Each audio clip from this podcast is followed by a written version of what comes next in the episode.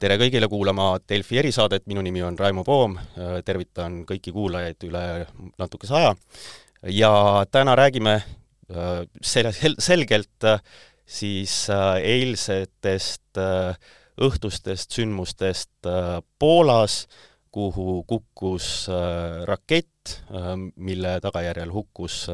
kaks inimest, mis on kinnitatud, ja saatekülaliseks on täna endine kaitseminister Kalle Laanet, tervist! tere hommikust! No mida me teame praeguseks, on see, et on erinevaid versioone selle aja jooksul läbi käinud, alguses räägiti Vene raketist, räägiti võib-olla siis Vene raketist, mis oli pihta saanud Ukraina õhutõrjega, on versioon praeguseks ka see, et et tegemist võib olla Ukraina õhutõrjeraketiga, mis jahtis siis Venemaa rakette. nagu me teame, siis eile pealelõunal toimetas Venemaa Ukraina erinevate sihtmärkide vastu lausraketirünnakut, üle üheksakümne mm, raketi lasti välja, mida siis Ukraina püüdis alla tulistada enne sihtmärkideni jõudmist, neil osaliselt see ka õnnestus, osaliselt paraku mitte,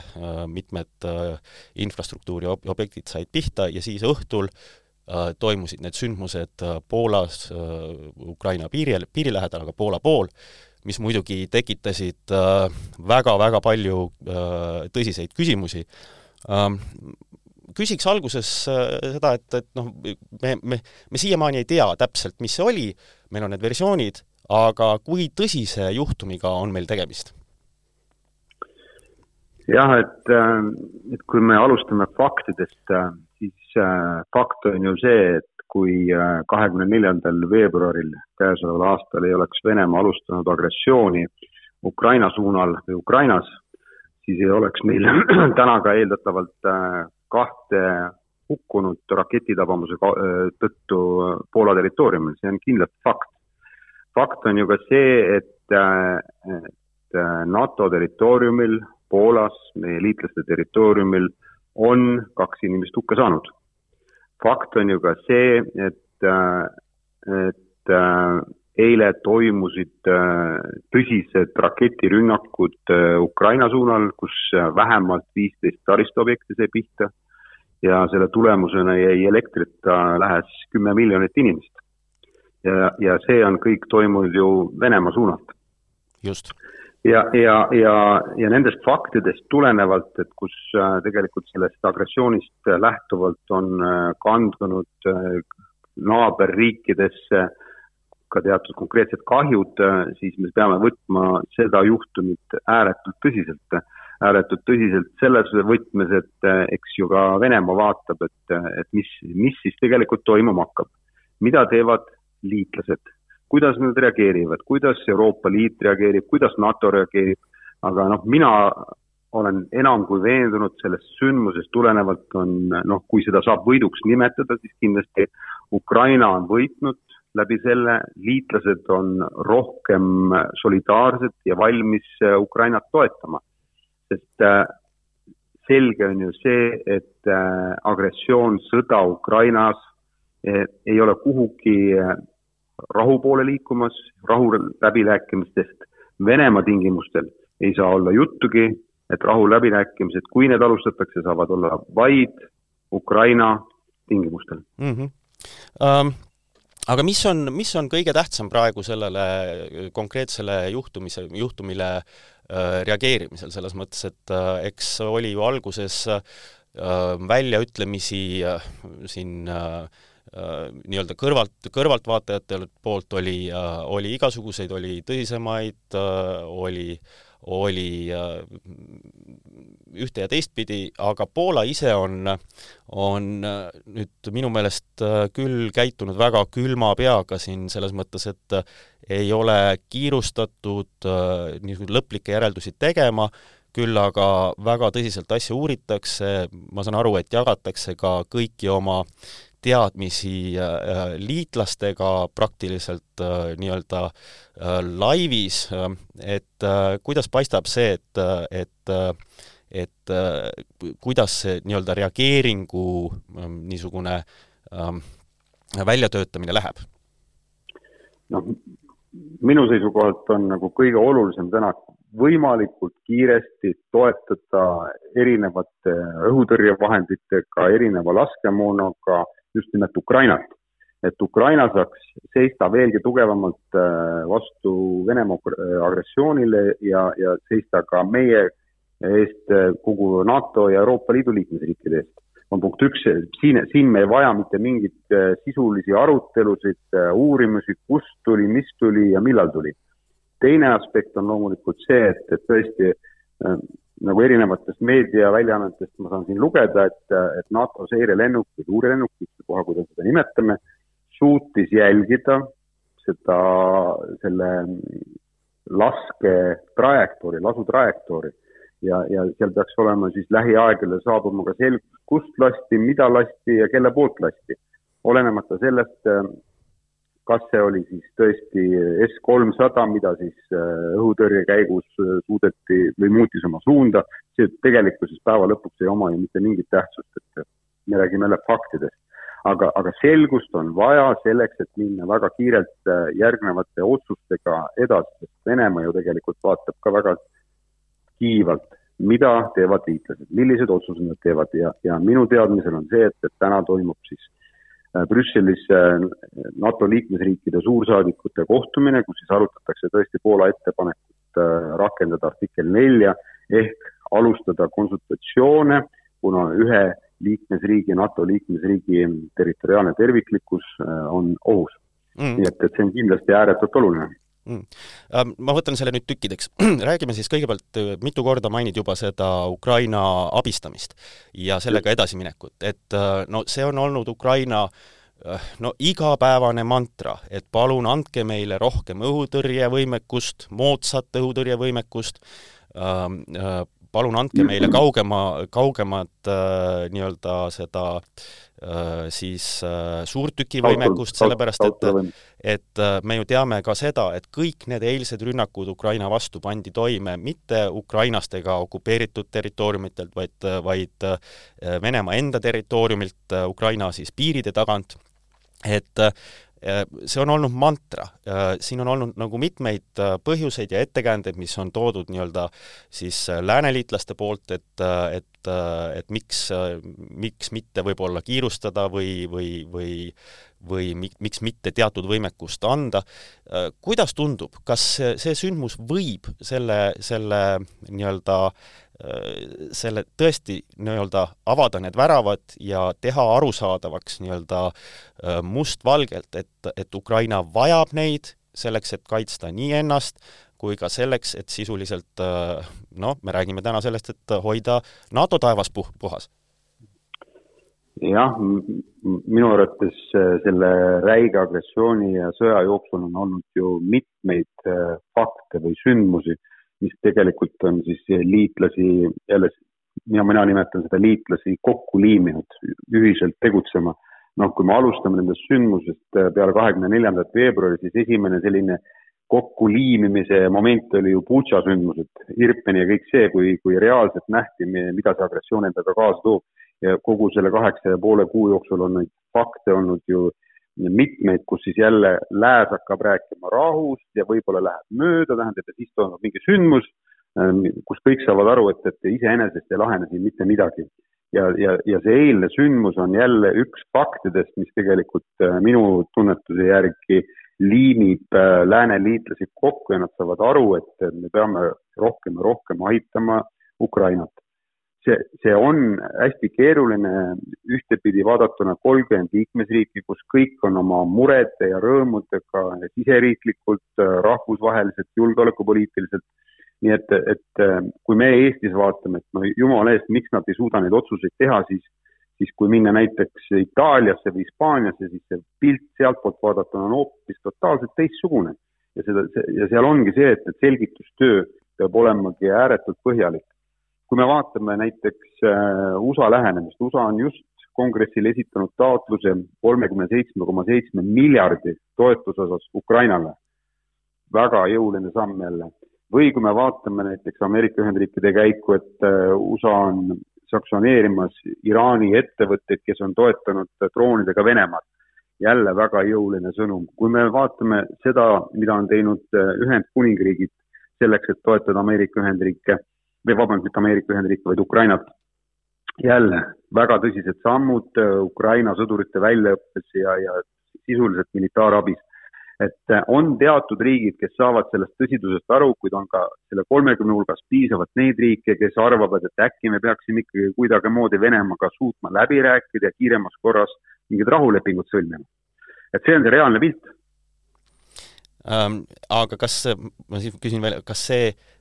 juhtum võib aidata neid äh, üle sellest arusaamisest ja, ja et mina, just, mina olen sellel veendumusel, et see on jälle see fakt, mis tegelikult annab selgema arusaama, et, et Venemaa tegelikult ei muutu, sellel agressioonil ja sõjal on tagajärjed, mis tegelikult puudutavad äh, ümbritsevaid riike, nii lähemaid kui kaugemaid, et see mõju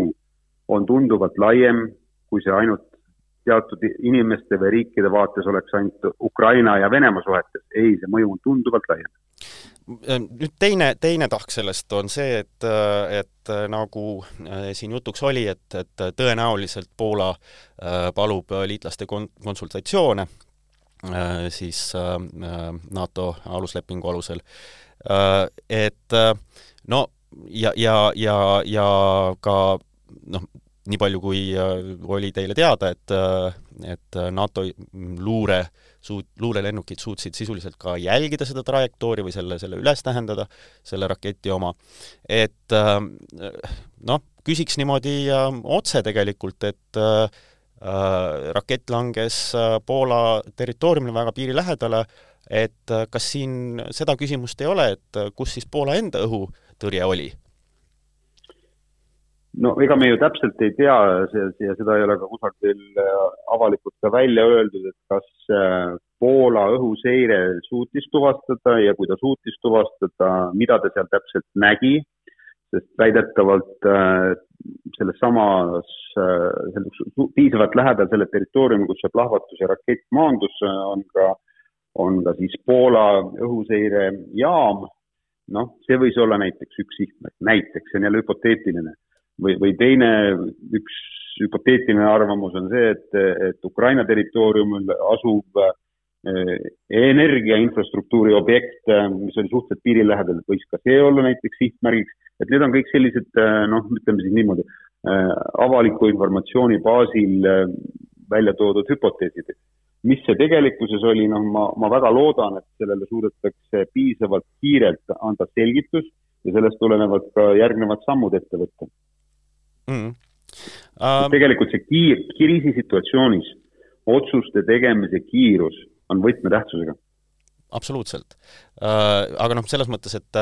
et noh, ma kujutan ette, et me, ka Eesti tegi avalduse, et me uh, oleme valmis kaitsma iga uh,, iga sentimeetrit uh, NATO territooriumist, et, et kas, kas see küsimus uh, nii-öelda püstitub, et, et kuidas uh, ja kas NATO idatiival ollakse valmis äh, ka sellisteks asjadeks, et noh, kui sinu piiri taga faktiliselt käib sõda, kus, kus äh, sõditakse äh, niisuguste rakettidega, kas peaks sisuliselt olema valmis ka nii-öelda selleks, et juhtuvad sellised asjad, et nad tulevad üle piiri,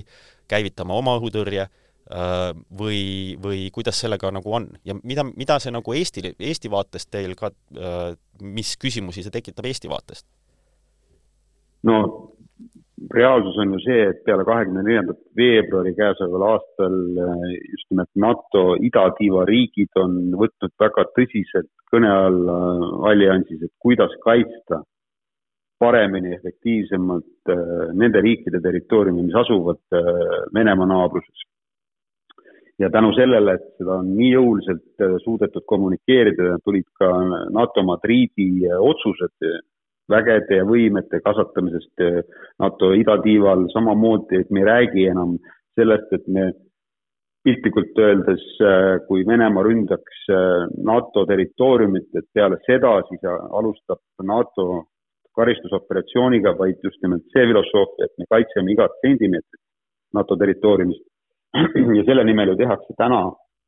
nende poliitiliste otsuste elluviimiseks igapäevast tööd, et kuidas seda praktiliselt teha. see puudutab kõiki Balti riike, samamoodi Poolat, eks ju, ja üldse kogu NATO idatiiba, et et, et selles osas äh, suudeti ette näha reaalselt poliitilisi otsuseid teha ja täna tehakse praktilisi samme, kuidas seda poliitilist otsust ellu viia. Mm.. kui see jutt äh, kokku võtta, siis äh, ma küsiks veel niimoodi, et et noh, me oleme väga muidugi ärevuses selle, selle sündmuse pärast ja, ja see Venemaa eilsed äh, lausraketirünnakud Ukraina vastu äh, noh, on, jätavad, jätsid kümme miljonit inimest elektrita, tekitavad väga, väga suurt peavalu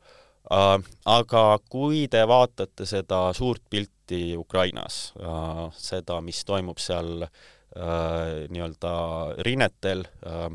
siis äh, kas, kas kuidas see situatsioon nagu praegu välja näeb, kas, kas see niisu-, see Venemaa rünnakud on sellised kuidas öelda, katsed mark-, maskeerida ka oma aina rohkem välja paistvat nõrkust, siis sõjalist nõrkust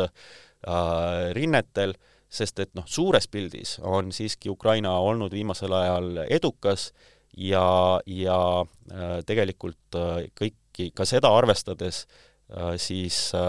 tuleks nii-öelda vaadata sellest udust läbi ja samamoodi, nagu me siin oleme rääkinud, et et Ukraina vajab igasugust täiendavat abi selleks, et, et olla edukas Venemaa siis sõjalise invasiooni tõrjumisel ja jätkata seda edu et, et saaks sellega edasi minna äh, võimalikult kiiresti, äh, sest äh, ma ei tea, võib-olla teile ka tundub niimoodi, et, et tuul paistab Ukraina purjes olevat praegu?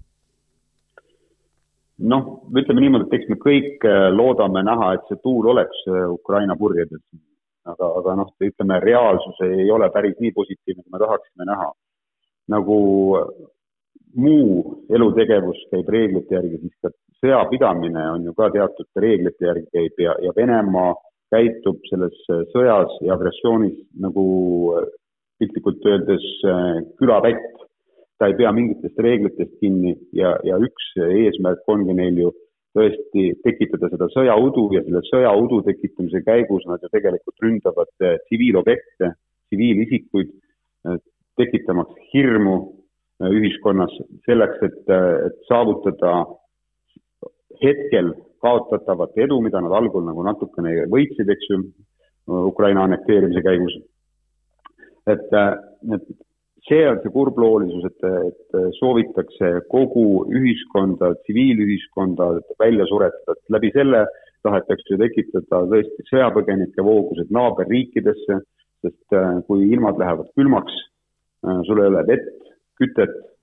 äh, ega ka sellest tulenevat piisavat süüa ega toitu, siis sa hakkad liikuma sinnapoole, kus seda on võimalik saada. ja, ja läbi selle üritatakse mõjutada siis ka naaberriikide poliitilisi otsuseid, mis loomulikult äh, vähemalt Eesti vaatest ei saa olla see, et me kuidagimoodi piiraksime Eesti sõjapõgenike saabumist äh, Eesti territooriumile ja me kindlasti pakume igakülgset abi, aga see on ju tegelikult Venemaa eesmärk, mõjutada eelkõige Ukrainat ja selle läbi selle loomulikult kõiki Euroopas toimuvates riikides poliitilisi otsuseid. nii, aga äh, äh, proovime siis uskuda, et neil see korda ei lähe äh,. igal juhul äh, suur tänu, Kalle Laanet, täna äh, Delfi erisaatega liitumast telefoni teel ja äh, mina soovin kõigile kuulajatele äh, äh, rahulikku päeva ja kohtume taas järgmistes saadetes, aitäh!